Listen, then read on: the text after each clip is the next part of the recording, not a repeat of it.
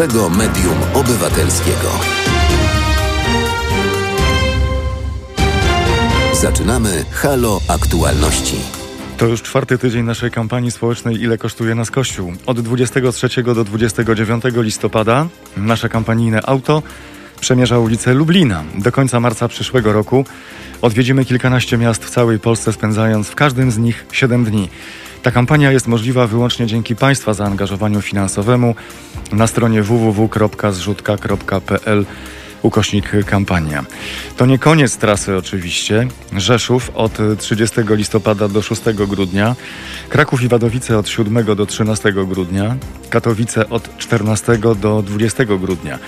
Po przerwie świąteczno-noworocznej nasza ciężarówka zacznie nowy rok od tygodnia spędzonego w Częstochowie od 4 do 10 stycznia 2021 roku. A potem Kielce od 11 do 17 stycznia, Radom od 18 do 24 stycznia.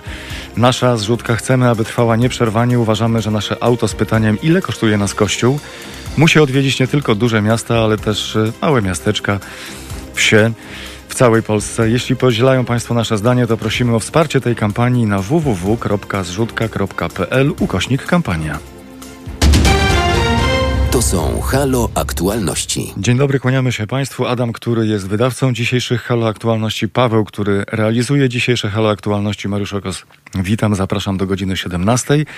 Zanim przejdziemy do tego, co dzisiaj, w ciągu najbliższych prawie dwóch godzin, sytuacja covidowa. Nowe zakażenia na poziomie 15 tysięcy dwóch. Zmarło 156 osób, wyzdrowiało 14 897 te dwie wartości nowych zakażeń i wyzdrowień praktycznie się zrównują. 15 tysięcy dwa nowe zakażenia, 14 897 osób, które już wyzdrowiały. I co się dzieje? Sytuacja pandemiczna prowokuje, co było łatwo do przewidzenia, oszustów różnego rodzaju. Opolskie wyrzuciła przez okno 75 tysięcy złotych, bo myślała, że wnuk potrzebuje szczepionki. Mieszkanka Nysy dała 75 tysięcy złotych oszustom, którzy przekonali ją, że jej wnuk jest w szpitalu i potrzebuje pieniędzy na szczepionkę dla uratowania życia. To biuro prasowe opolskiej policji poinformowało do zdarzenia, do którego doszło w Nysie. Do 85-letniej kobiety zadzwonili oszuści, którzy przedstawili się jako członkowie rodziny i personel szpitala, w którym miał przebywać wnuk pokrzywdzonej. No i pani wzięła pieniądze i przekazała. W dobroci serca, oczywiście. Proszę uważajmy na siebie również, również w takich y, sytuacjach. Oto tematy, które przykuły dzisiaj y, naszą uwagę. Nord Stream 2. Tak wygląda umierający gazociąg. Donald Trump i Joe Biden mają ze sobą, można powiedzieć, niewiele wspólnego, ale niemiecko-rosyjski gazociąg Nord Stream 2 to jest akurat ten element, który ich y, jednoczy. Ten gazociąg nie zostanie zbudowany, stanowczo oświadczył wysoki rangą przedstawiciel administracji waszyngtońskiej w rozmowie z niemiecką agencją prasową. I dodał tak, wygląda umierający gazociąg. Jak wyjaśnił władze USA, zidentyfikowały wiele firm i osób, którym grożą pierwsze sankcje za udział w tym projekcie, zgodnie z ustawą Kongresu USA. Strona amerykańska, jak podkreślił, nawiązuje z tymi podmiotami kontakt oraz informuje o możliwych sankcjach. Stany Zjednoczone nie chcą nakładać kar na europejskie przedsiębiorstwa. Dzwonimy do nich po to, aby je ostrzec i dać im czas na wycofanie się z tego projektu. Jak ma wyglądać Polska za 10 lat? Prawo i Sprawiedliwości przedstawiło nową strategię. A wśród tych założeń potwierdzenie przynależności do Unii Europejskiej, możliwe korekty terytorialne i systemu finansowania samorządów, usprawnienie pracy sądów, to ponoć priorytety na kolejną dekadę zawarte w nowej rządowej strategii. To 160 stron dokumentu Sprawne i Nowoczesne Państwo 2030, który to dokument określa główne kierunki działań politycznych rządu w kolejnych e, latach. Przyjrzymy, przyjrzymy się dokładnie, z pieczołowitością, co znajdujemy w tym dokumencie i na ile on jest realny do zrealizowania. Nawiązując do sytuacji pandemicznej, tym razem Czechy, ulga pandemiczna. Czesi obniżają podatek dochodowy. Nasi południowi sąsiedzi z pandemią walczą, obniżając podatki. Niższa stawka podatku dochodowego w Czechach ma spaść z ponad 20% do 15%. Zmiana w systemie PIT czeka jeszcze na akceptację czeskiego Senatu. i prezydenta. Kolejny temat, który jest dla nas niezwykle istotny dzisiaj, zostały upublicznione nazwiska policjantów. Minister Ziobro mówi, poleciłem prokuratorze wszcząć postępowanie. Ujawnienie nazwisk i adresów policjantów to przestępstwo. Poleciłem prokuraturze okręgowej w Warszawie wszcząć postępowanie karne wobec wszystkich osób, które upubliczniły nazwiska i adresy funkcjonariuszy. Tak powiedział wczoraj Zbigniew Ziobro, minister sprawiedliwości i prokurator generalny zarazem. Ferie, kolejna zmiana. Wyciągi narciarskie będą zamknięte, a ferie są dla wszystkich w jednym terminie. Górale są przeciwni pomysłom rządu. Skumulowanie ferii do jednego terminu no trudno, żeby było inaczej. Nie podoba się mieszkańcom gór. Samorządowcy apelują do rządu o zmiany. Na dodatek wicepremier Jarosław Gowin mówił o zamkniętych wyciągach narciarskich. To jest dla nich tak naprawdę praktycznie jedyny czas w roku, ten okres ferii, kiedy mogą zarobić pieniądze na cały rok działalności. Oni z tego po prostu, z tego po prostu żyją.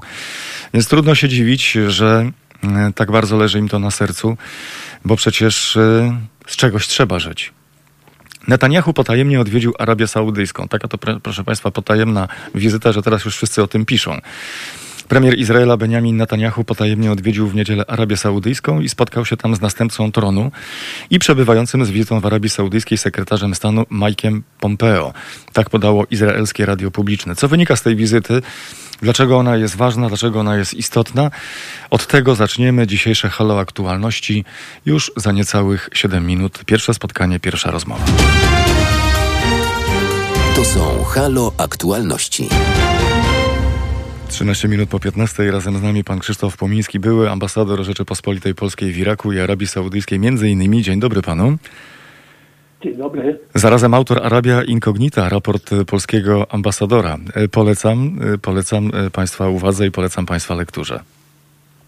Dziękuję bardzo.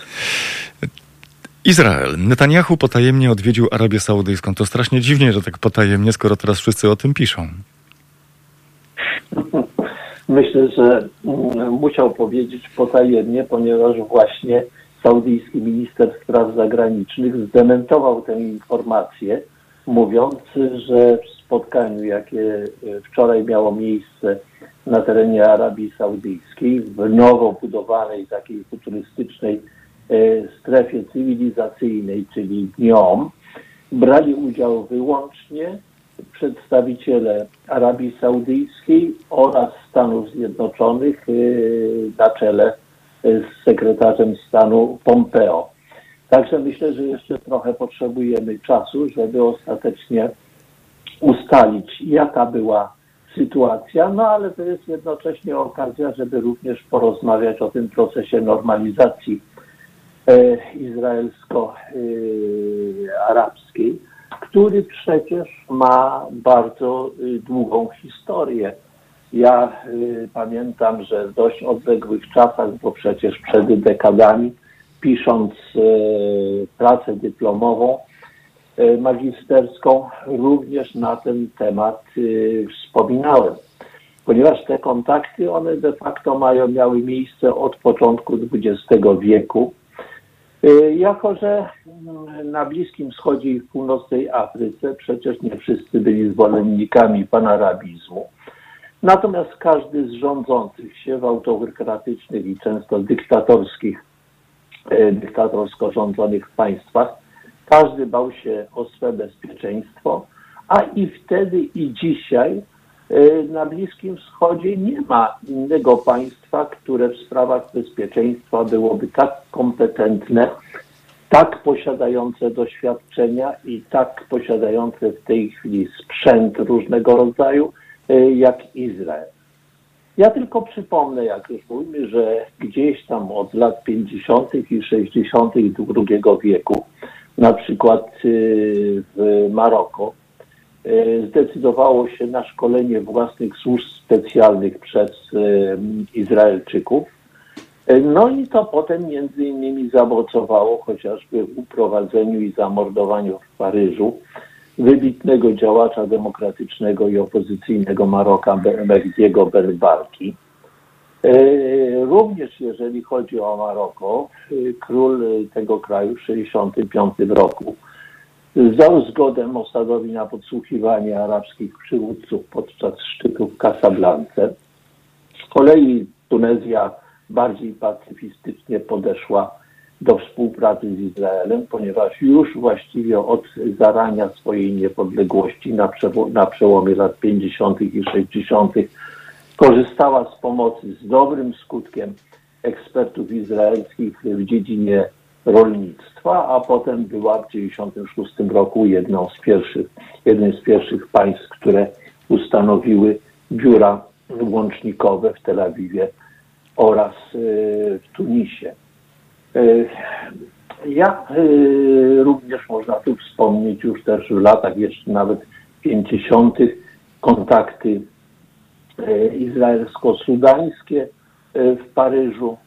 E, Ja dokładnie obserwowałem, będąc kiedyś na placówce w Jordanii, jak wyglądały te e, kontakty z Izraelem ze strony Jordańczyków. E, Tutaj jako ciekawostkę powiedzieć, że pierwszy taki znany kontakt króla Jordanii z wysłannikami izraelskimi miał miejsce w 1963 roku w gabinecie lekarza króla Husseina w Londynie, ale e, właśnie już e, później e, przywódcy król Jordanii i premier Izraela wybudowali sobie pałacyki, jeden w, Amma, w Akabie, drugi w Ejlacie i właściwie każdy jeden i drugi do płotu mógł dojść i będąc na swoim terytorium prowadzić rozmowy, co też się oczywiście odbywało. Późniejszy okres to już jest traktat pokojowy, który Jordańczycy podpisali z Izraelem w 1994 roku, 15, 15 lat po Egipcjanach, e, którzy w konsekwencji e, własnego traktatu uzyskali półwysep, półwysep Synaj. Przez pewien czas były przecież również nadzieje na postęp w uregulowaniu problemu palestyńskiego łączony z porozumieniami w Oslo, no ale to okazało się e, iluzją, no i problem ten nadal e, utrudnia i będzie utrudniał skonsumowanie tej trw- trwałe i pełne normalizacji Izraela z bliższymi i dalszymi y, sąsiadami. E, Inne kraje arabskie, w tym Arabia Saudyjska i jej sąsiedzi na Półwyspie Arabskim, no nie odbiegały tutaj, jeżeli chodzi o relacje z Izraelem od rutyny. I trzeba również powiedzieć, że tak na dobrą sprawę nigdy e, w rzeczywistości, mając e, sojusznicze stosunki ze Stanami Zjednoczonymi, nie kwestionowały istnienia Izraela. Po prostu szukano też jakiegoś e, modus operandi, żeby te kontakty podtrzymywać, korzystać ze współpracy w niektórych dziedzinach, ale jednocześnie w obawie właśnie przed własną opinią publiczną, przed konsekwencjami, przed e, oskarżeniami ze strony radykalnych państw arabskich e, wrogich w stosunku do Izraela czy różnego rodzaju ugrupowań, no dbały po prostu o to, żeby te kontakty y, były tajne. Sytuacja mm, uległa przyspieszeniu, jak y, do władzy w Stanach Zjednoczonych doszedł prezydent y, Trump z jego asertywnym i nietypowym podejściem do rozwiązywania różnego rodzaju problemów. I tu warto przypomnieć, że pierwsza wizyta prezydenta Trumpa po ustanowieniu jego administracji miała miejsce w Arabii Saudyjskiej i w Izraelu. I tam również e, no, kwestia normalizacji była bardzo silnie e, akcentowana.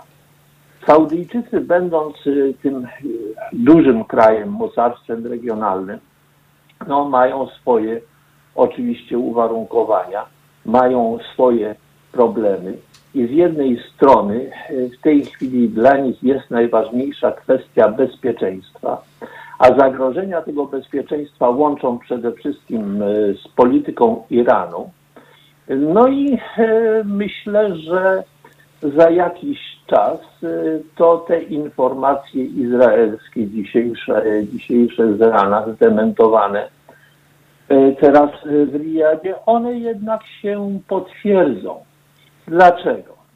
Po pierwsze, y, są to te kwestie bezpieczeństwa, Tym bardziej w tej chwili dla Saudyjczyków istotne, że nowa administracja amerykańska zapewne w problematyce bliskowschodniej powróci do polityki Baracka Obamy, która ogromne zaniepokojenie Arabii Saudyjskiej i jej sojuszników prowadziła. To wręcz były fobie.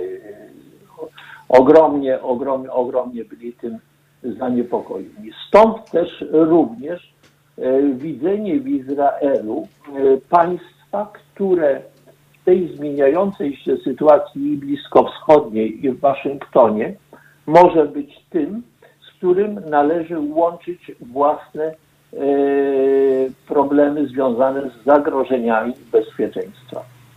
Jakimś czynnikiem też e, spajającym e, Izrael z tymi konserwatywnymi krajami arabskimi w sferze bezpieczeństwa jest to, że Izrael sprzedał w ostatnich latach, udostępnił no, sporo urządzeń pozwalających kontrolować, podsłuchiwać własną opozycję czy różnego rodzaju ugrupowania, ruchy, które zagrażają e, reżimom w Riyadzie, w e, Abu Dhabi, e, w Manamie i innych krajach regionu. I to jest ten również dodatkowy czynnik, z którym w tej chwili należy się liczyć. Również z Izraelem łączone są sprawy związane, może jeszcze dodam, że konsekwencją tego w przypadku Riyadu, jak mówiłem wcześniej, najważniejszego państwa regionu, było przyzwolenie y, dla Zjednoczonych Emiratów Arabskich i e, Bahreinu na ustanowienie pełnych stosunków dyplomatycznych i na pełną skalę e, nawiązanie, nawiązanie współpracy, która już w tej chwili można powiedzieć po paru tygodniach od wejścia w życie tego, co się nazywa porozumieniami Abrahama, nabrała ogromnego tempa. Saudyjczycy również e, publicznie dali wyraz poparciu dla tego procesu, chociażby umożliwiając e, samolotom izraelskim przelatywanie przez swoje terytorium e, w relacjach z Bahreinem i Zjednoczonymi Emiratami Arabskimi, co przedtem no, y, było, było niemożliwe. Y, Arabia Saudyjska, i to też trzeba podkreślić w kontekście tej naszej rozmowy, stoi w przededniu y, ogromnych reform, transformacji całego kraju i jego gospodarki. To jest, to są przedsięwzięcia realizowane w ramach Narodowego Programu Transformacji oraz wizji 2000 30 łączonej z e, saudyjskim następcą tronu, no, który też wszyscy oczekują po prostu tego momentu, kiedy e, ojciec odda mu władzę. A jest to władca asertywny, z jednej strony nowoczesny, no ale na pewno niezainteresowany, żeby w jakiś sposób e, fundamenty jego władzy i władzy rodziny królewskiej były naruszane i tu również Izrael w wielu przypadkach no, może, może być pomocny. Pan Krzysztof jedno, Płomiński, były ambasador Rzeczypospolitej Polskiej w Iraku i Arabii Saudyjskiej, jest Państwa i moim gościem. Powiem. Tak, tylko chciałem zapytać, bo Amerykanie namówili Zjednoczone Emiraty Arabskie i Bahrain do nawiązania stosunków dyplomatycznych z Izraelem. Teraz próbują przekonać Arabię Saudyjską po to, żeby stworzyć szeroką koalicję wymierzoną w Iran. Pytanie, na ile to jest sytuacja potencjalnie dla Iranu niebezpieczna? Iran jest de facto w stanie wojny ze Stanami Zjednoczonymi od 1979 roku, kiedy w Teheranie zwyciężyła rewolucja islamska. E, ten konflikt ma różne odsłony i różne amplitudy, raz wyższą, raz mniejszą. E, podczas e, prezydentury Baracka Obamy doszło do porozumienia nuklearnego, które dało możliwość e, Iranowi stopniowego znoszenia nałożonych sankcji, odbudowy gospodarki, przyspieszenia rozwoju i de facto integracji e, ze społecznością międzynarodową. e, prezydent Trump zburzył te porozumienia. No i dotychczas e, sytuacja Iranu jest rzeczywiście dramatyczna, bo z jednej strony są to nieprawdopodobne konsekwencje gospodarcze, gospodarcze i społeczne. Kraj jest też gnębiony pandemią. W tej chwili COVID, COVID-19 szaleje od długiego czasu w Iranie. No i do tego dochodzi tak czy inaczej wrogie otoczenie, bo tutaj nie ma co ukrywać stosunki Arabii Saudyjskiej, Zjednoczonych Emiratów, ale również innych, wielu innych krajów, regionów, jest, yy, są yy, z Iranem bardzo napięte i takie kraje jak Arabia Saudyjska widzą, widzą w Iranie no wręcz egzystencjonalne, egzystencjonalne e, zagrożenie. E, próby okrążania, próby ingerencji w sprawy wewnętrzne. I z całą pewnością to, że e, Arabia Saudyjska wyszła tutaj naprzeciw procesowi normalizacji z Emiratów i Bahreinu z Izraelem, ma kontekst irański. Wczoraj zresztą, bo my mówimy tutaj o no, niespodziance, jaką, jaką były informacje o wizycie premiera Netanyahu w Izraelu, ale i pisałem o tym dzisiaj na, swoim, na swojej stronie na Facebooku. Wczoraj zakończyło się również w Arabii Saudyjskiej y, spotkanie, szczyt grupy G20, no z bardzo ważnymi ustaleniami a kilka dni wcześniej, przed tym szczytem, król Arabii Saudyjskiej w dorocznym orędziu do y, Zgromadzenia Doradczego apelował o globalne przeciwstawienie się Iranowi. De facto o jakąś koalicję, która y, no, tutaj y, wystąpi, przystąpiłaby do jakiejś konfrontacji z Iranem w obronie E, stabilizacji regionalnej i również e, stabilizacji państw e, tego regionu. Także tutaj nie ma, nie ma wątpliwości. Iran i jego no, ważni arabscy sąsiedzi na Półwyspie Arabskim są w stanie głębokiego konfliktu, który wynika i ze względów na ogromne rozbieżności w interesach narodowych, ze względu na sprawy, ideologiczne, ze względu na sprawy związane no, z, również z religią, e, konfliktem między szyitami i, i sunitami. I no, moim zdaniem jeszcze w ciągu dwóch miesięcy pozostających prezydentowi Trumpowi e, e, do urzędowania w Białym Domu, na Bliskim Wschodzie i w relacjach Iranu z e, jego sąsiadami, no może się jeszcze bardzo wiele dziać, oby nie były to jakieś dramatyczne wydarzenia, które w tej obecnej sytuacji w świecie związanej z pandemią, związanych z innymi problemami, byłyby jeszcze dodatkowym czynnikiem destabilizacji problemów. Bardzo gorąco dziękuję za rozmowę. Pan Krzysztof Płomiński, był ambasador Rzeczypospolitej Polskiej w Iraku i Arabii Saudyjskiej. Dziękuję i do usłyszenia. Ja również bardzo dziękuję i pozdrawiam. To są Halo Aktualności. Na zegarach 15.33 wyciągi narciarskie będą zamknięte, a ferie są w jednym terminie. Górale są przeciwni pomysłom rządu. Razem z nami pan redaktor Michał Chmielewski. Dzień dobry panu, kłaniam się. Dzień dobry, witam serdecznie. Jakie skutki dla wszystkich mieszkańców y, górskich miejscowości, które żyją z turystyki, będą, będą miały właśnie takie rozwiązania? Wie pan, skutkiem, y, skutki właściwie są ekonomiczne przede wszystkim, no bo mm, nawet teraz przez weekend, będąc podczas Pucharu Świata w skokach narciarskich w Wiśle, e, tak jak zwykle obserwujemy tam pełno ludzi, którzy zostawiają pieniądze to, to tak działa przede wszystkim. No, tych pieniędzy tym razem nie zostawili, mm, dlatego że nie mieli takiej możliwości i burmistrz Wisły, czyli miasta, które żyje tak naprawdę z turystyki, żyje ze sportów zimowych, bo, bo wyciągów i pensjonatów tam nie brakuje, szacował, że to jest strata przynajmniej 5 milionów złotych mm, dla mieszkańców y, na przestrzeni tylko tych trzech dni, więc zakładając, że, e, że ferie trwają jednak trochę dłużej niż dwa tygodnie, bo, bo są podzielone przecież na województwa, no to myślę, że jakaś matematyka z tego e, trudna nie wychodzi i te, te straty są ogromne, dlatego że mm, nawet właściciele wyciągów, którzy przecież e, poświęcają, inwestują środki w to, żeby naśnieżyć obiekty, żeby przygotowywać E, trasy do, do, do zjeżdżania, czy nawet uruchamiać wypożyczalnie, e, używając pracowników przecież do tego, którzy też zarabiają pieniądze w ten sposób.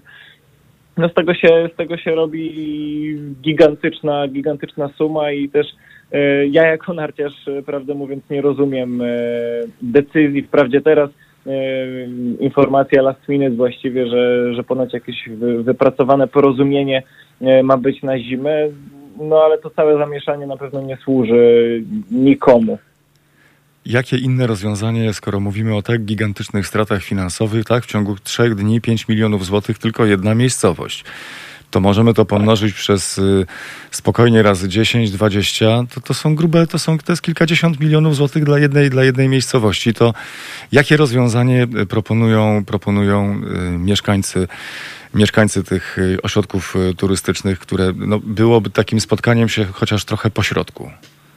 Wie, wie pan, ja prawdę mówiąc nie, nie wiem, jakie, jakie dokładnie rozwiązania oni proponują. Pewnie takie, żeby, żeby mimo wszystko starać się, się żyć w czasach, jakie, jakie mamy. Dlatego też, że stok narciarski to nie jest mała hala siatkarska, do której kibice byli już wprowadzani latem i wtedy tego zagrożenia E, jakoś nie było, nawet na trybunach piłkarskich przecież w trakcie meczów, gdy były one z publicznością, przez pewien czas nie trzeba było nosić maseczki. Mm, tutaj mówimy jednak o ogromnej powierzchni, często, często w lesie, e, na wyciągach właściwie zagrożenie jest tylko w kolejkach e, do tych wyciągów, no a te niestety akurat u nas są, bo infrastruktura narciarska w Polsce mm, jest dość, dość kiepska.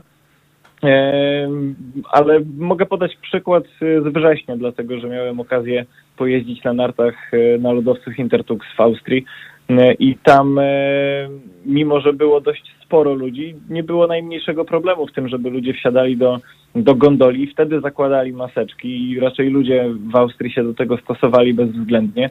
No a później no, jesteś w górach, czujesz wolność i, mm, i, i, i raczej perspektywy nawet takiej medycznej czy biologicznej na, na, na, zdrowy rozsądek wydaje się, że zjeżdżając obok siebie w odległości 10-15 metrach z dużą, z dużą prędkością, no trudno jest się od siebie zarazić, więc jeśli by mm, udało się wyeliminować te, te momenty spotkań, a uważam, że jest to możliwe chociażby właśnie poprzez ubieranie maseczek, tak jak każe się ubierać do kościołów i tym podobnych, no to narciarstwo nie jest jakimś wielkim zagrożeniem dla, dla rozwoju epidemii w Polsce.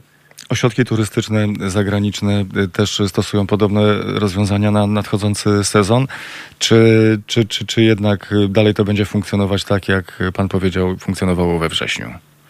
Mm, wie pan, z tego co słyszałem, akurat miałem się wybierać też na narty dosłownie pojutrze i to jest niemożliwe, dlatego że Austriacy um, uniemożliwili to na te, na te chwile. To też dla nich jest y, gigantyczna strata. Natomiast e, ktoś, y, kto wytwarza bardzo, nie wiem jaki dokładnie, ale pewien procent PKB na podstawie turystyki, na podstawie turystyki narciarskiej, tak jak robią to Austriacy przecież właściwie będąc położonymi w górach i to w najlepszych w Europie górach dla narciarstwa. Mm, nie, nie wyobrażam sobie, żeby na dłuższą metę byli, byli w stanie pozbawić się takiego, takiego wpływu środków na, nawet nie mówię o, o, o, o kontach e, rządowych czy o budżecie państwa, tylko o, e, o budżetach prywatnych mieszkańców. Gdzieś e, ta troska o domowe budżety mam wrażenie, że no od kilku tygodni nie jest, nie jest tutaj wystarczająco wysoko na liście priorytetów i te decyzje, jakie są podejmowane przez, no, przez nasze władze, no moim prywatnym zdaniem nie do końca, nie do końca szanują polskiego, polskiego obywatela. No tak jak mówię, mamy gór kilkaset kilometrów, tych stoków jest cała masa, pensjonatów jest cała masa. To wszystko pozostaje w zamknięciu. Jeżeli miałoby tak być, a przecież trzeba jakieś mm, przygotowania poczynić e, do takiego sezonu, to się nie robi z dnia na dzień, że przychodzi rano e, właściciel i otwiera stok, bo ten musi zostać przygotowany przez pewien czas. E, no mieliśmy już taką sytuację jak z właścicielami handlu, handlów obnośnych przy okazji wszystkich świętych, że właściwie z dnia na dzień im powiedziano, że nic z tego nie będzie. Nie wiem, jakie to są sumy. Ja się zajmuję sportem, a nie polityką, ani gospodarką, natomiast nie zazdroszczę tym, tym wszystkim ludziom tej niepewności, w której muszą żyć. To ze sportowego punktu widzenia można powiedzieć, że skracając ferie i, i decydując się na jeden termin od 4 do 17 stycznia dla wszystkich, to siłą rzeczy frekwencja będzie wyższa niż w tym jednym terminie, niż gdyby to się rozłożyło w czasie. Tak, to bardzo, bardzo pro, proste do przewidzenia. Rzeczywiście ta decyzja też jest dla mnie niezrozumiała, bo e, spędzałem wiele razy ferie, będąc, będąc młodszym w polskich górach, między innymi w Karkonoszach i tam nawet przy podziale na województwa, gdzie, gdzie te turnusy się zmieniały, e, bywało tłoczno, a jeżeli faktycznie stoki będą otwarte i wszyscy w ciągu dwóch tygodni, zakładając na przykład, że nie będzie się dało dostać do Austrii, poza tym też to nie jest y, wcale jakiś koszt, na który może sobie pozwolić każda rodzina w Polsce. To, no to jednak in, in, inna sprawa. Wiele, wiele rodzin decyduje się na spędzenie ferii y, jednak u nas w kraju, a nie za granicą i tłok, jaki może się z tego wywiązać, no jest, jest porażający i ja na pewno w te ferie nie wybieram się w polskie góry. Gdyby jednak się udało i gdyby udało nam się zorganizować taki wyjazd, y, pojawił się ostatnio jakiś fajny gadżet y, od strony producentów sprzętu sportowego, który mógłby nam pomóc y, na stoku? Tak, narty, kije, buty, kask. myślę, że to są te, myślę, że to są te gadżety, które od lat się świetnie sprawdzają. Nie, no tak, ale jakaś, jakaś, jakaś, nowi, jakaś nowinka. No. Tak jak, tak jak, tak podstawowym jak... gadżetem powinna być maseczka. No, ja jestem zwolennikiem jej, noszenia wtedy, kiedy czuję zagrożenie. E, podczas zjeżdżania po stoku takiego zagrożenia nie czuję, natomiast tak jak wspomniałem, gdy byłem we wrześniu na nartach w Austrii, to to nie miałem z tym problemu, żeby założyć ją na nos, żeby spędzić te 5 czy 6 minut w kolejce gondolowej z innymi ludźmi w maseczce. No a potem po wysiąściu z, z, kolejki wziąć głęboki wdech, nacieszyć się tymi górami, zjechać i, i powtórzyć całą procedurę. To mm, myślę, że już dawno minął czas, w którym y, byliśmy przerażeni wirusem. W tej chwili jesteśmy na etapie, przynajmniej tak patrzę po swoich znajomych, akceptowania tego, co się dzieje i dostosowywania do, do rzeczywistości, tylko że tym dostosowywaniem się nie może być e, nieskończenie długo zamykanie wszystkiego jak leci, no bo wkrótce nie będziemy mieli pieniędzy na to, żeby sobie kupować jedzenie, e, albo przynajmniej te, te biznesy utrzymywać, dlatego że przecież właściciele pensjonatów e, i, innych dóbr, które, z których korzystają narciarze zimą, też muszą zapłacić jakieś podatki, też muszą odprowadzić jakieś opłaty stałe i raczej nikt nie będzie szedł na rękę, no bo przecież tak to u nas działa że jest jakaś pandemia i że nie mają wpływów. No bo załóżmy taki jeden stok narciarski, niech na nim pracuje nawet 50 osób. To jest 50 rodzin, które tracą, tracą pieniądze, prawda? Prawda, wyciągi narciarskie będą zamknięte, a ferie w jednym terminie. Górale są przeciwni pomysłom rządu, a Państwa i moim gościem był redaktor Michał Chmielewski. Bardzo gorąco dziękuję za rozmowę, dziękuję za spotkanie. Dobrego dnia. To są Halo Aktualności. Za 10 minut 16 prezes spółki Moderna, e, produkującej szczepionkę na COVID-19, stwierdził w wywiadzie dla niemieckiego dziennika Welt am Sonntag, że jego firma będzie sprzedawała rządom szczepionkę, rządom szczepionkę na koronawirusa w cenie od 25 do 37 dolarów za jedną dawkę. Cena ma być zależna od wielkości zamówienia.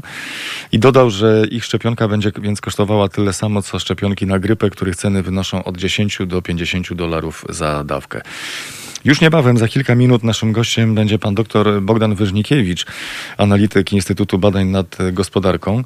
A wszystko dlatego, że Czesi wpadli na zaskakujący, zaskakujący pomysł. Otóż y, walcząc y, z pandemią obniżają podatki. Niższa stawka podatku dochodowego w Czechach ma spaść z ponad 20% do 15%. Ta zmiana w systemie PIT y, czeka jeszcze na akceptację czeskiego Senatu i prezydenta rząd w Pradze zdecydował, że w trudnych czasach w portfelach mniej zamożnych obywateli musi po prostu zostać więcej, więcej pieniędzy. Więc większość Czechów na reformie zyska, ale dla najbogatszych wprowadzona zostanie nowa stawka w wysokości 23%. Obywatele już wkrótce ten ruch podatkowy zobaczą na liście płac. Jak obiecaliśmy, tak zrobiliśmy. Teraz najważniejsze jest inwestowanie w ludzi, aby nie musieli martwić się o swoją przyszłość, powiedział, powiedział premier. Skoro, skoro obniżają podatki, to oczywiście to będzie koszt mniejszych wpływów do budżetu państwa. I chce rząd w Pradze zrekompensować Czechom to, że pracodawcy tną pensje albo wstrzymują się z ich podwyższaniem. To nasze helikopter money, mówi pół żartem, pół serio Andrzej, Andrzej Babisz, nawiązując do polityki drukowania pieniędzy, jaką od wiosny prowadzi amerykański bank centralny. Ciekawe sformułowanie helikopter money, ciekawe co, co to dokładnie oznacza. Pan doktor Bogdan Wyżnikiewicz, analityk Instytutu Badań nad Gospodarką, już za niecałych 9 minut na antenie Halo Radia.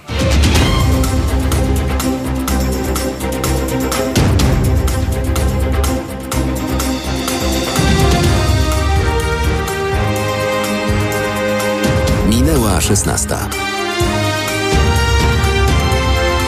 Słuchacie Halo Radia, pierwszego medium obywatelskiego. To są Halo Aktualności. To już czwarty tydzień naszej kampanii społecznej Ile kosztuje nas Kościół? Od 23 do 29 listopada nasze kampanijne auto przemierza ulicę Lublina. Do końca marca 2021 roku odwiedzimy kilkanaście miast w całej Polsce, spędzając w każdym z nich 7 dni. I ta kampania jest możliwa wyłącznie dzięki Państwa zaangażowaniu finansowemu na stronie www.zrzutka.pl ukośnik kampania. Plan trasy na najbliższe tygodnie.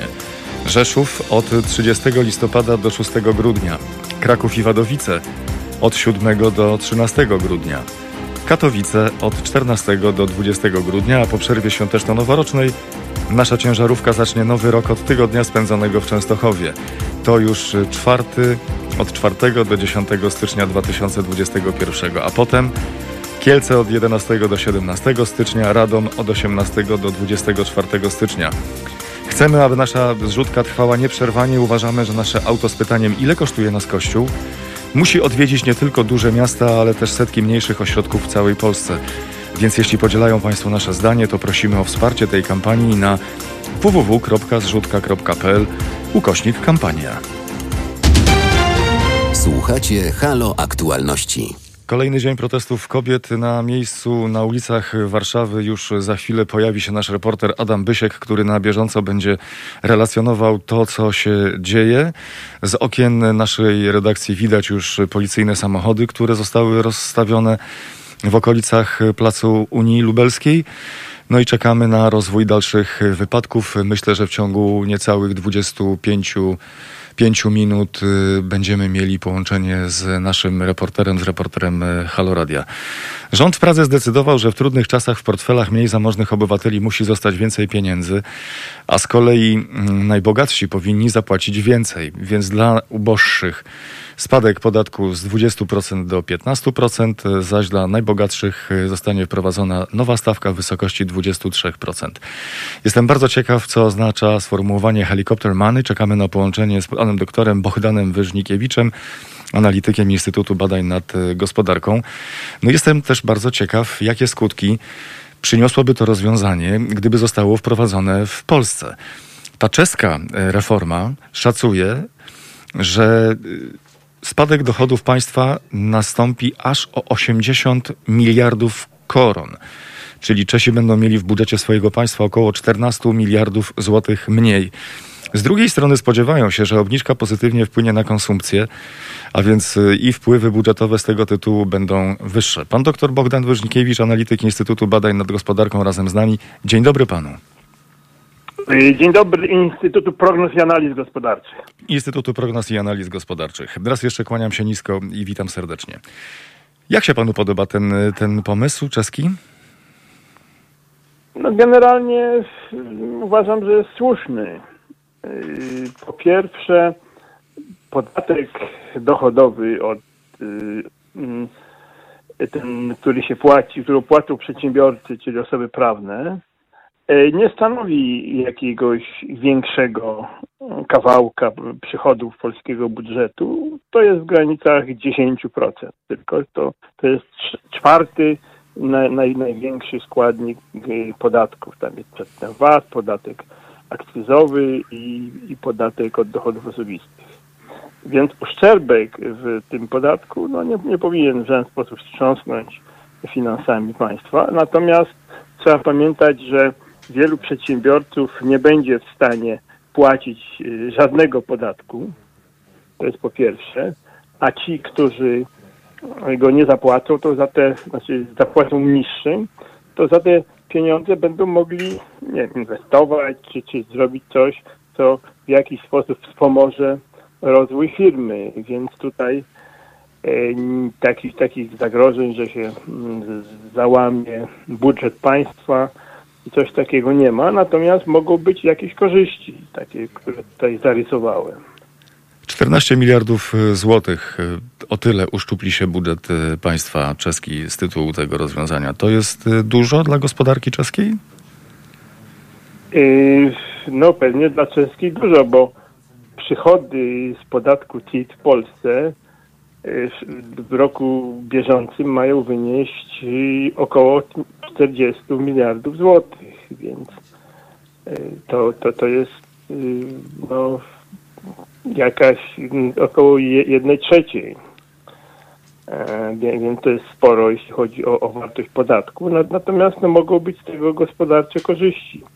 Ja nie, nie, nie znam dokładnie zasad, jakby to miało obowiązywać, jak, jaki procent, jakie, e, na, na czym by ta ulga miała wyglądać tak na, naprawdę, ale generalnie zawsze niższy podatek jest korzystny dla tych, którzy go płacą, bo no, mają więcej pieniędzy na rozwój przede wszystkim, to jest najważniejsze. A nawet jak go przeznaczą na jakieś wydatki, no to w ten sposób również zwiększą popyt i przyczynią się do wzrostu produkcji gdzie indziej, nie u siebie. Czescy specjaliści od e, finansów mówią, że to jest ich e, helicopter money. Co oznacza dokładnie to określenie? To znaczy, że pieniądze się rozdaje z helikoptera, tak mówiąc. Ogólnie, czyli że się rozrzuca, tak powiem po rosyjsku, po wsiech. Więc ja, ja myślę, że, że, że można też na to patrzeć w ten sposób, ale ja tutaj widzę większe, więcej korzyści niż jakichś strat, czy, czy tam jakichś e, zawirowań, które z tego powodu mogłyby wystąpić w budżecie państwa. Doktor Bogdan. Wyśnikiewicz, prezes zarządu Instytutu Prognoz i Analiz Gospodarczych, jest Państwa i moim gościem. Panie prezesie, a co by się stało, gdyby w Polsce wprowadzić takie rozwiązanie? Co by się stało? No, tak jak mówiłem, dobrze by się stało, bo mielibyśmy mm, jako społeczeństwo więcej pieniędzy u przedsiębiorców, przedsiębiorcy mogliby e, inwestować, e, bo no, to jest też problem, dlatego że stopa inwestycji w Polsce jest bardzo niska i tutaj e, trzeba coś z tym zrobić, bo jak, jest, jak się mało inwestuje, to się staje mniej konkurencyjnym na rynkach eksportowych, a na rynku krajowym mogą być bardziej konkurencyjne wyroby z importu. Więc, więc e, je- jeżeli e, można by na przykład wprowadzić jakiś mechanizm, który by w ramach tego podatku bardziej skłaniał do inwestowania, to byłoby, byłoby możliwe i, i wskazane. E, Ale generalnie zawsze niższa stopa podatkowa w dłuższym okresie przyczynia się do wzrostu, paradoksalnie do wzrostu przychodów z takich podatków, co już wiele krajów empirycznie doświadczyło. Zastanawiam się tylko, jak później wrócić do tego y, pierwotnego poziomu podatków, czyli Czesi obniżają z 20 do 15%. Jak potem ludziom powiedzieć, no to teraz y, podnosimy z 15 do 20, a oni na to mówią, no zaraz, zaraz, hola, hola. Byliśmy w tak trudnej sytuacji i, i daliśmy sobie radę przy obciążeniu podatkowym na poziomie 15%, to teraz jest lepiej, to dlaczego podnosicie? Tak, no są inne metody, inne podatki do ściągania pieniędzy od, od ludzi, od społeczeństwa czy od przedsiębiorców. To można się odkuć tutaj w inny sposób, poprzez likwidację jakichś ulg czy czegoś takiego. Tutaj, jeżeli by takie, taka regulacja miała być wprowadzana, to musiałyby zostać również wprowadzone jakieś zabezpieczenia przed właśnie tym, co pan powiedział, żeby tych, tych strat w przyszłości nie ponosić. Natomiast, e, jak mówię, niższa stopa podatkowa e, zwykle powoduje zwiększone przychody takich podatków, chociażby dlatego, że zmniejszy się o jakiś tam kawałek szara strefa gospodarcza.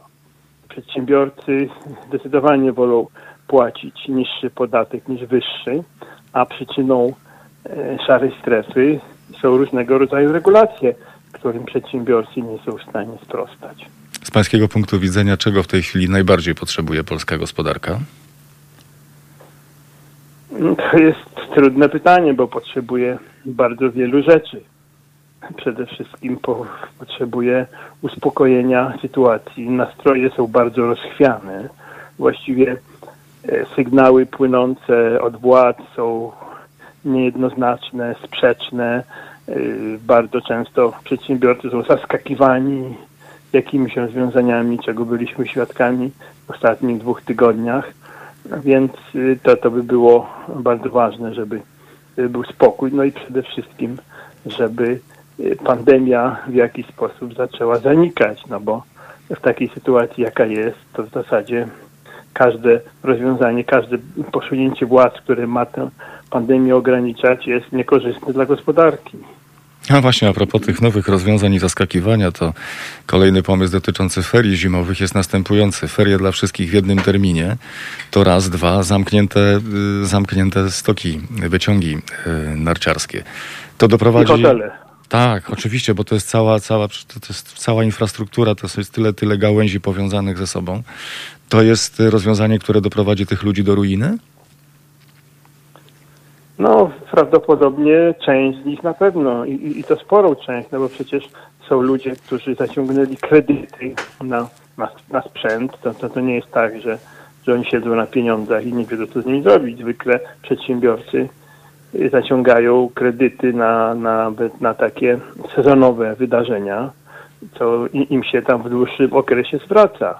To jest pierwsze. Drugie, no, jak nie ma przychodów, to nie ma z czego płacić właśnie podatków, nie ma z czego płacić jakichś czynszów za wynajem, bo przecież nie, nie wszyscy są właścicielami tych stoków i, i, i tych hoteli muszą płacić, wynajmują różne rzeczy, więc, więc to jest to jest problem. Poza tym są takie działalności, które w zasadzie zarabiają większość w sposób sezonowy, no tak jak te wyciągi narciarskie, czy, czy ci, którzy produkują znicze i i kwiaty na, na, na wszystkich świętych. Więc jak im się zabierze możliwość zarobku właśnie w takich sezonowych wydarzeniach, no to, to oni rzeczywiście tracą bardzo dużo. No, wpadają w tarapaty i, i część z nich bankrutuje. Bardzo gorąco dziękuję panu za rozmowę. Dr Bogdan Wyżnikiewicz, prezes zarządu Instytutu Prognoz i Analiz Gospodarczych. Dziękuję serdecznie. Również dziękuję. Do widzenia. To są Halo Aktualności. 18 minut po 16 w Halo Radio pan Marek Zuber, analityk rynków finansowych. Kłaniam się nisko, witam serdecznie. Dzień dobry, dzień dobry. Zaskoczyła Pana licząca ponad 160 stron y, informacja sprawne i nowoczesne, nowoczesne państwo 2030 z priorytetami gospodarczymi, które zostały zawarte w nowej rządowej strategii?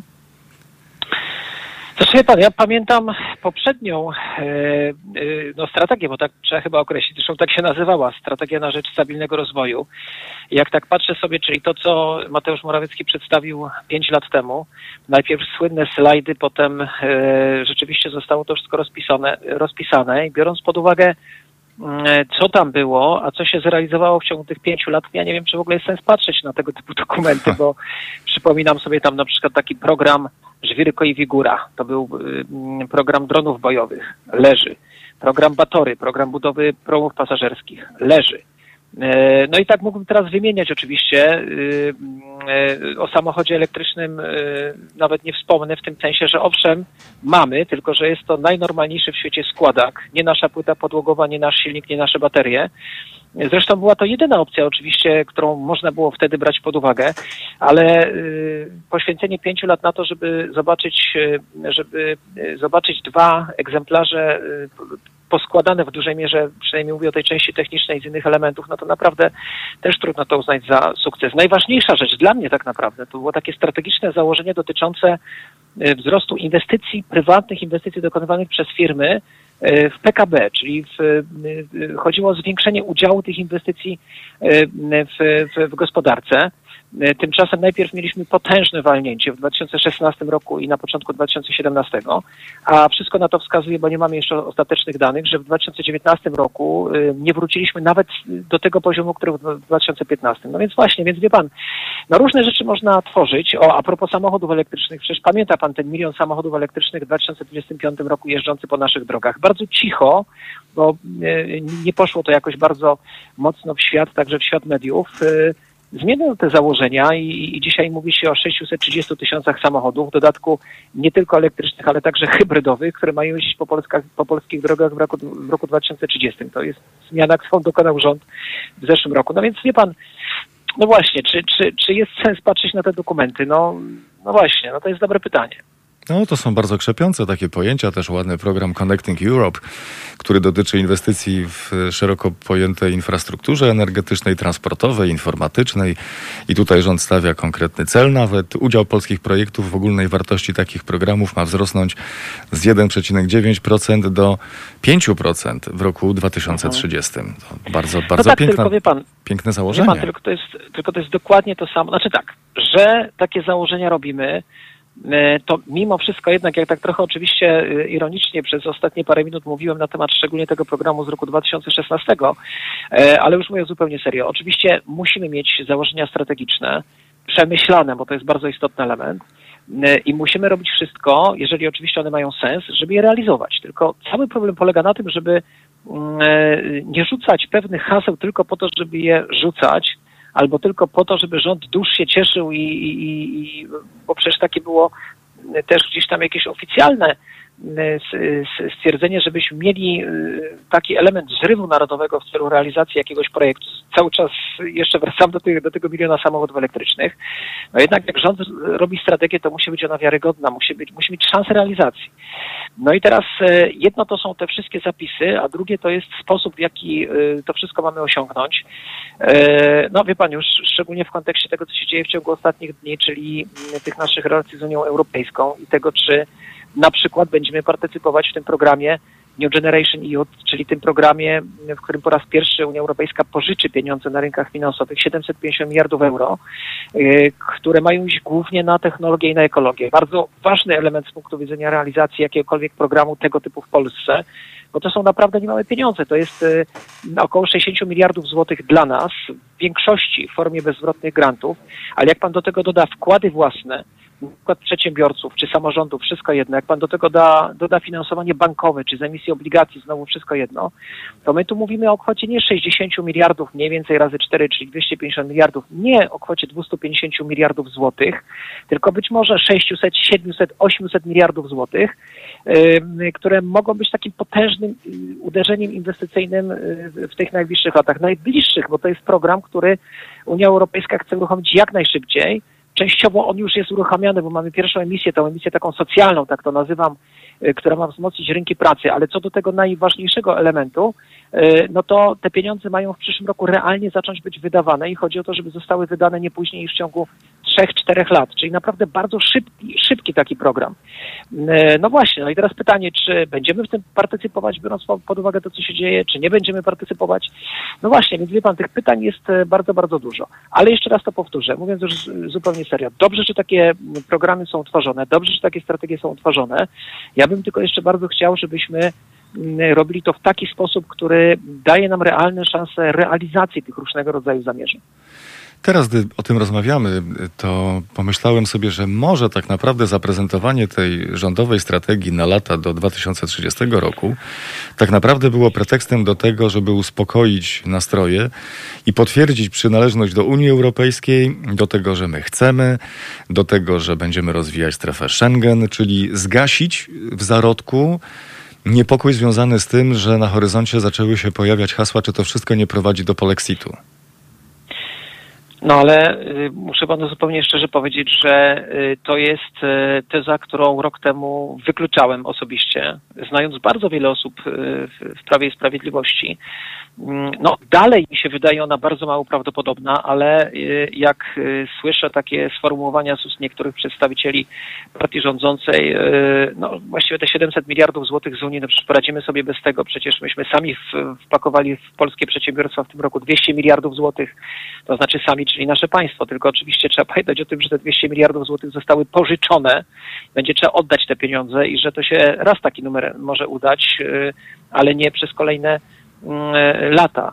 E, Jak gdzieś tam inny przedstawiciel e, koalicji rządzącej mówi o tym, że właściwie e, to przecież te państwa inne, państwa unijne, jakby nas w tej Unii nie było, to bardziej stracą, no to tak się zaczynam zastanawiać, czy, czy to jest tylko oby, oby strategia negocjacyjna. y, Pamiętajmy, że na początku, na początku grudnia mamy no, chyba ostatni, y, ostatni y, element tych negocjacji, y, a potem już będzie trzeba budować prowizorium budżetowe, no i dalej negocjować oczywiście, miejmy nadzieję, jeżeli się nie uda w tej chwili dojść do porozumienia. Y, Mam nadzieję, że to o to chodzi, tylko o to, ale y, jeśli nie, no to wie pan, to w takiej sytuacji zaczynam się trochę obawiać. No ja nie mam żadnych wątpliwości, mogę teraz dwie godziny na ten temat mówić, że wejście Polski do Unii Europejskiej Polskie się, Polsce się opłaca, a te wszystkie tezy, mamy przede wszystkim takiego francuskiego ekonomistę, który przez niektórych jest dość mocno cytowany, mm, o, mówią, który mówił o kolonizacji XXI wieku. E, No kompletnie się z tymi tezami nie zgadzam. Zresztą wie pan, to są założenia, ten kolega z Francji zapomniał chyba o tym, że te autostrady na przykład wybudowane w Polsce, to tutaj nikt nie zwija tych autostrad i nie wywozi ich potem do Austrii, czy do Niemiec, czy do Francji, tylko one tu zostają. Więc w związku z tym y, kompletnie nie zgadzam się z tymi tezami, które tam zostały y, y, postawione. A że oczywiście Unia Europejska to są także jakieś problemy, to są także jakieś wyzwania, to są także takie elementy, na których tracimy. Tak, to prawda. To nigdy nie jest tak, że y, jeden kraj ma tylko same, same plusy, że, że w, takich relacjach są tylko same, same plusy y, i, y, i że nie ma jakichś rzeczy, które nie dzieją się tak, jak chcielibyśmy, albo których nie można poprawić. Co do tego nie mam wątpliwości. Najlep- Dobrze jest się uczyć na błędach, najlepiej na, oczywiście na cudzych błędach. Czesi y, wprowadzają teraz takie rozwiązanie, że obniżają podatek y, mm, z 20% do, do 15% y, dla, dla osób. To ich zaprowadzi na, y, na krawędź przepaści, czy to jest dobre rozwiązanie? No, wie pan, nie zaprowadzi ich to na y, krawędź przepaści. Przede wszystkim dlatego, że y, Czesi są w lepszej sytuacji budżetowej niż my. Y, Trzeba o tym pamiętać, bo o tym znowu się specjalnie nie mówi w Polsce, a szkoda, nie porównuje się nas, nie, nie porównujemy się do tych innych krajów, albo inaczej, porównujemy się my analitycy czy ekonomiści, natomiast nie zawsze to trafia gdzieś tam na podatny grunt, jeżeli chodzi o rozmowy, no takie jak my tutaj teraz e, prowadzimy, czyli gdzieś tam w mediach. E, Tymczasem warto przypomnieć, że Czesi jednak bardzo mocno zmniejszyli swój dług w ostatnich latach. W 2014 roku dług publiczny, wartość tego wszystkiego, co Czechy były winne, mówię tu, tutaj oczywiście o, o długu dotyczącym całych finansów publicznych, czyli tego wszystkiego, co związane z państwem w gospodarce, nie tylko budżetu centralnego, ale także samorządów na przykład, wynosił około 45% w stosunku do wielkości gospodarki czeskiej, e, czyli w stosunku do PKB. Natomiast w roku 2019 było to już tylko 30%, czyli 15 punktów procentowych mniej. Jak popatrzy Pan teraz na, już pomijam oczywiście, że, że poziom 30, niecałych 31%, no to jest znacznie mniej niż myśmy mieli e, e, no w zasadzie kiedykolwiek po tych raz mieliśmy w okolicach 44%, no ale w każdym razie to jest dużo mniej niż myśmy kiedykolwiek po roku, e, po tym okresie zmian ustrojowych. Natomiast w Polsce e, także zmniejszaliśmy ten dług publiczny w ciągu ostatnich e, pięciu lat, ale zmniejszyliśmy go tylko o 5 punktów procentowych. Dlaczego mówię o, o tych ostatnich pięciu latach? Bo to był fantastyczny okres koniunktury w całej Europie Środkowo-Wschodniej. Wszystkie kraje naszego regionu się rozwijały, nie tylko Polska, bo myśmy trochę tak, słuchając niektórych mediów, mogli odnieść wrażenie, że to Polska jest jakimś liderem i tylko tu jest dobrze. Wszędzie było dobrze, a Polska nie była liderem. Wcale nie byliśmy krajem najszybciej rozwi- roz- ro- ro- krajem, który się najbardziej rozwinął w ciągu tych ostatnich pięciu lat w naszej części Europy. Natomiast myśmy przyjęli e, taką postawę wydawania na bieżąco tych pieniędzy, czyli rzeczywiście mieliśmy większe dochody budżetowe, ale te dochody od razu przeznaczaliśmy na różne cele. Oczywiście nieprawdą jest to, że te cele można było finansować ze zwiększenia ściągalności podatków. Nawet od, odchodząca wtedy z urzędu minister Czerwińska, czyli minister mm, y, funkcjonujący przecież w ramach koalicji y, y, rządzącej obecnie w Polsce, wyraźnie powiedziała, że zwiększenie ściągalności podatków, akurat ona mówiła o roku 2018, to góra 18, 17,5, 18 miliardów złotych. Tymczasem te wszystkie pomysły, które się pojawiły, te najważniejsze, czyli 500 plus, e, czyli e, obniżenie wieku emerytalnego, czyli 13 emerytura, wyprawka i tak dalej, to jest lekko licząc 65 miliardów złotych. Więc oczywiście, że reszta była finansowania z tych zwiększonych dzięki e, bardzo dobrej koniunkturze przychodów. No i teraz Efekt tego jest taki, że nie zmniejszyliśmy sobie tego długu publicznego tak bardzo jak Czesi E, i Czesi mogą dzisiaj pożyczać kolejne pieniądze. Szacuje się, że dzisiaj Czesi e, na te programy związane z walką z koronawirusem wydali już ponad 30 miliardów euro, e, czyli prawie dwa razy więcej w stosunku do PKB niż my. E, Czesi mogą teraz obniżać e, e, podatki, nawet e, jeśli będzie się to wiązało perspektywie krótkiego okresu, czyli miesięcy, być może kwartałów ze zmniejszeniem dochodów do budżetu, bo mają tę rezerwę. E, My tej rezerwy już nie mamy. To, co teraz zrobiliśmy, spowoduje e, z dużym prawdopodobieństwem wzrost polskiego długu w stosunku do PKB, do wielkości gospodarki do poziomu 65% na koniec przyszłego roku. Czesi będą pewnie w okolicach 50, e, może 50 kilku procent, więc jak pan widzi, to jest jednak spora, spora różnica. Ja nie twierdzę, że nie należało na przykład przeznaczać środków na 500 plus. Chociaż nie zgadzam się osobiście z tym, żeby 500 plus dostawał każdy, także ten, kto ma bardzo dobre zarobki. Ale to jest program, który rzeczywiście dużo dobrego zrobił. Natomiast chodzi mi o to, y, że to jest y, i był zawsze pewien wybór. No, albo przeznaczamy pieniądze w taki sposób i wtedy nie mamy takich możliwości działania, jak się y, dzieje taki kryzys jak teraz, albo tego nie robimy, budujemy sobie rezerwy i wtedy możemy znacznie, znacznie mocniej zareagować w sytuacji, kiedy dzieje się coś absolutnie nadzwyczajnego, bo oczywiście to, co nas spotyka, ten cały problem koronawirusowy i także jego wpływ na gospodarkę, to jest coś, czego nikt przecież rok temu y, nie, przewidywał. No więc Czesi nie, y, nie są na, na, na krawędzi, nie doprowadzi do załamania, do załamania czeskiej gospodarki. Oni dzisiaj mogą po prostu taką politykę prowadzić, bo przez poprzednie pięć lat prowadzili nieco inną politykę niż my. Bardzo gorąco dziękuję za rozmowę. Mamy o czym myśleć. Marek Zuber, analityk rynków finansowych. Państwa i moim gościem Bardzo dziękuję. Radio. Dziękuję serdecznie. A my teraz Dziękuję przenosimy również. się na ulicę Warszawy. Tam jest nasz reporter Adam Bysiek. Adamie, co się dzieje na ulicach Warszawy? Szanowni Państwo, ja niespełna kilka minut temu opuściłem gmach naszej redakcji i udałem się w kierunku Sejmu. Aktualnie znajduję się tuż nad trasą łazienkowską, to jest ścisłe centrum e, Warszawy i tutaj widzę na drodze jazdowej do Sejmu na trakcie e, spokojnie około 50 radiowozów e, z włączonymi sygnałami świetnymi i dźwiękowymi.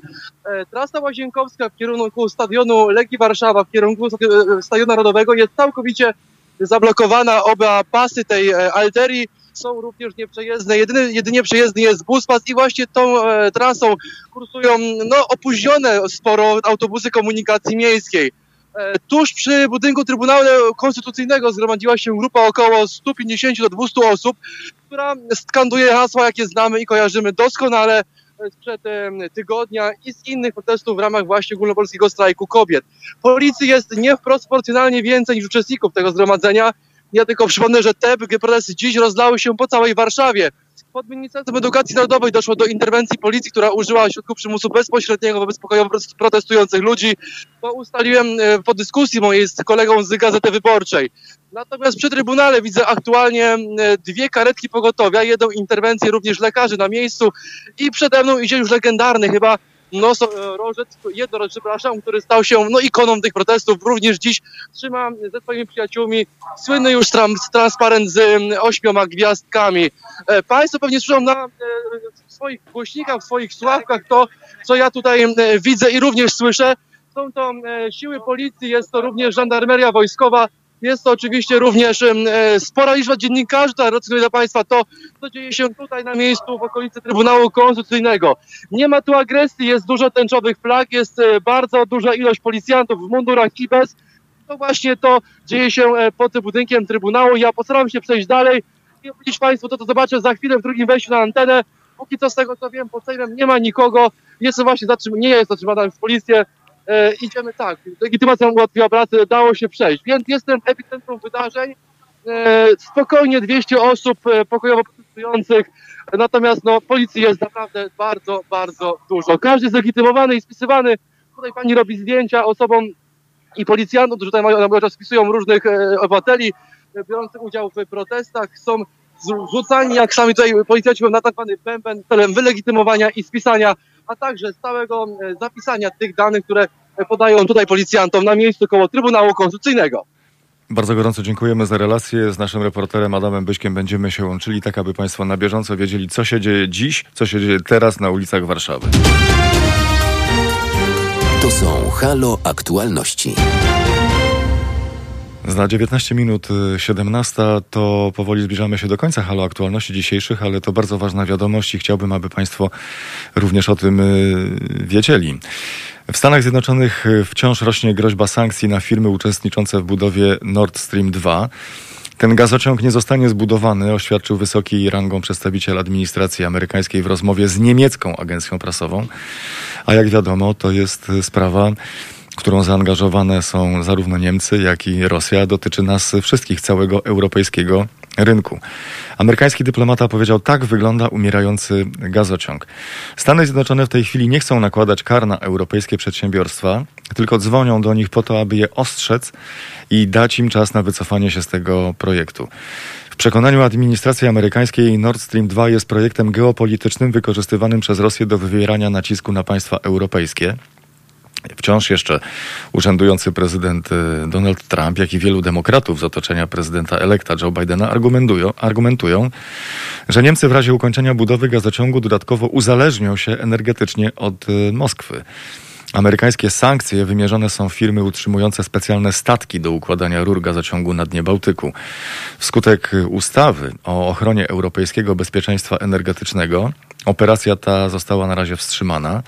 Między innymi szwajcarska firma, do której należą takie statki, zastopowała ich pracę pod koniec ubiegłego roku wskutek amerykańskich nacisków i groźby nałożenia na nią sankcji. Wtedy, jak poinformowało konsorcjum budujące gazociąg Nord Stream 2, z około 2460 km rur ułożono 2300 kilometrów. Jeszcze trochę brakuje, ale naprawdę bardzo, bardzo niewiele. Amerykanie do tej pory jeszcze nie nałożyli żadnych sankcji. W sierpniu tego roku trzej amerykańscy senatorowie zagrozili zagrozili terminalowi promowemu na wyspie Rugia miażdżącymi sankcjami. W porcie tym kotwiczy rosyjski statek akademikczerski, który miał kontynuować pracę przy układaniu rur gazociągu zamiast y, szwajcarskich y, statków.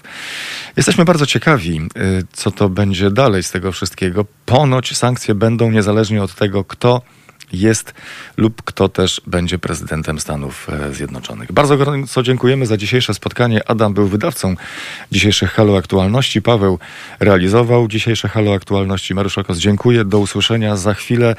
Razem z Państwem redaktor Jarosław Szczepański i nasz reporter Adam Bysiek, który na bieżąco relacjonuje Państwu sytuację na ulicach Warszawy. Kolejny dzień protestów kobiet. To były Halo Aktualności. Na kolejny program zapraszamy jutro o godzinie 15.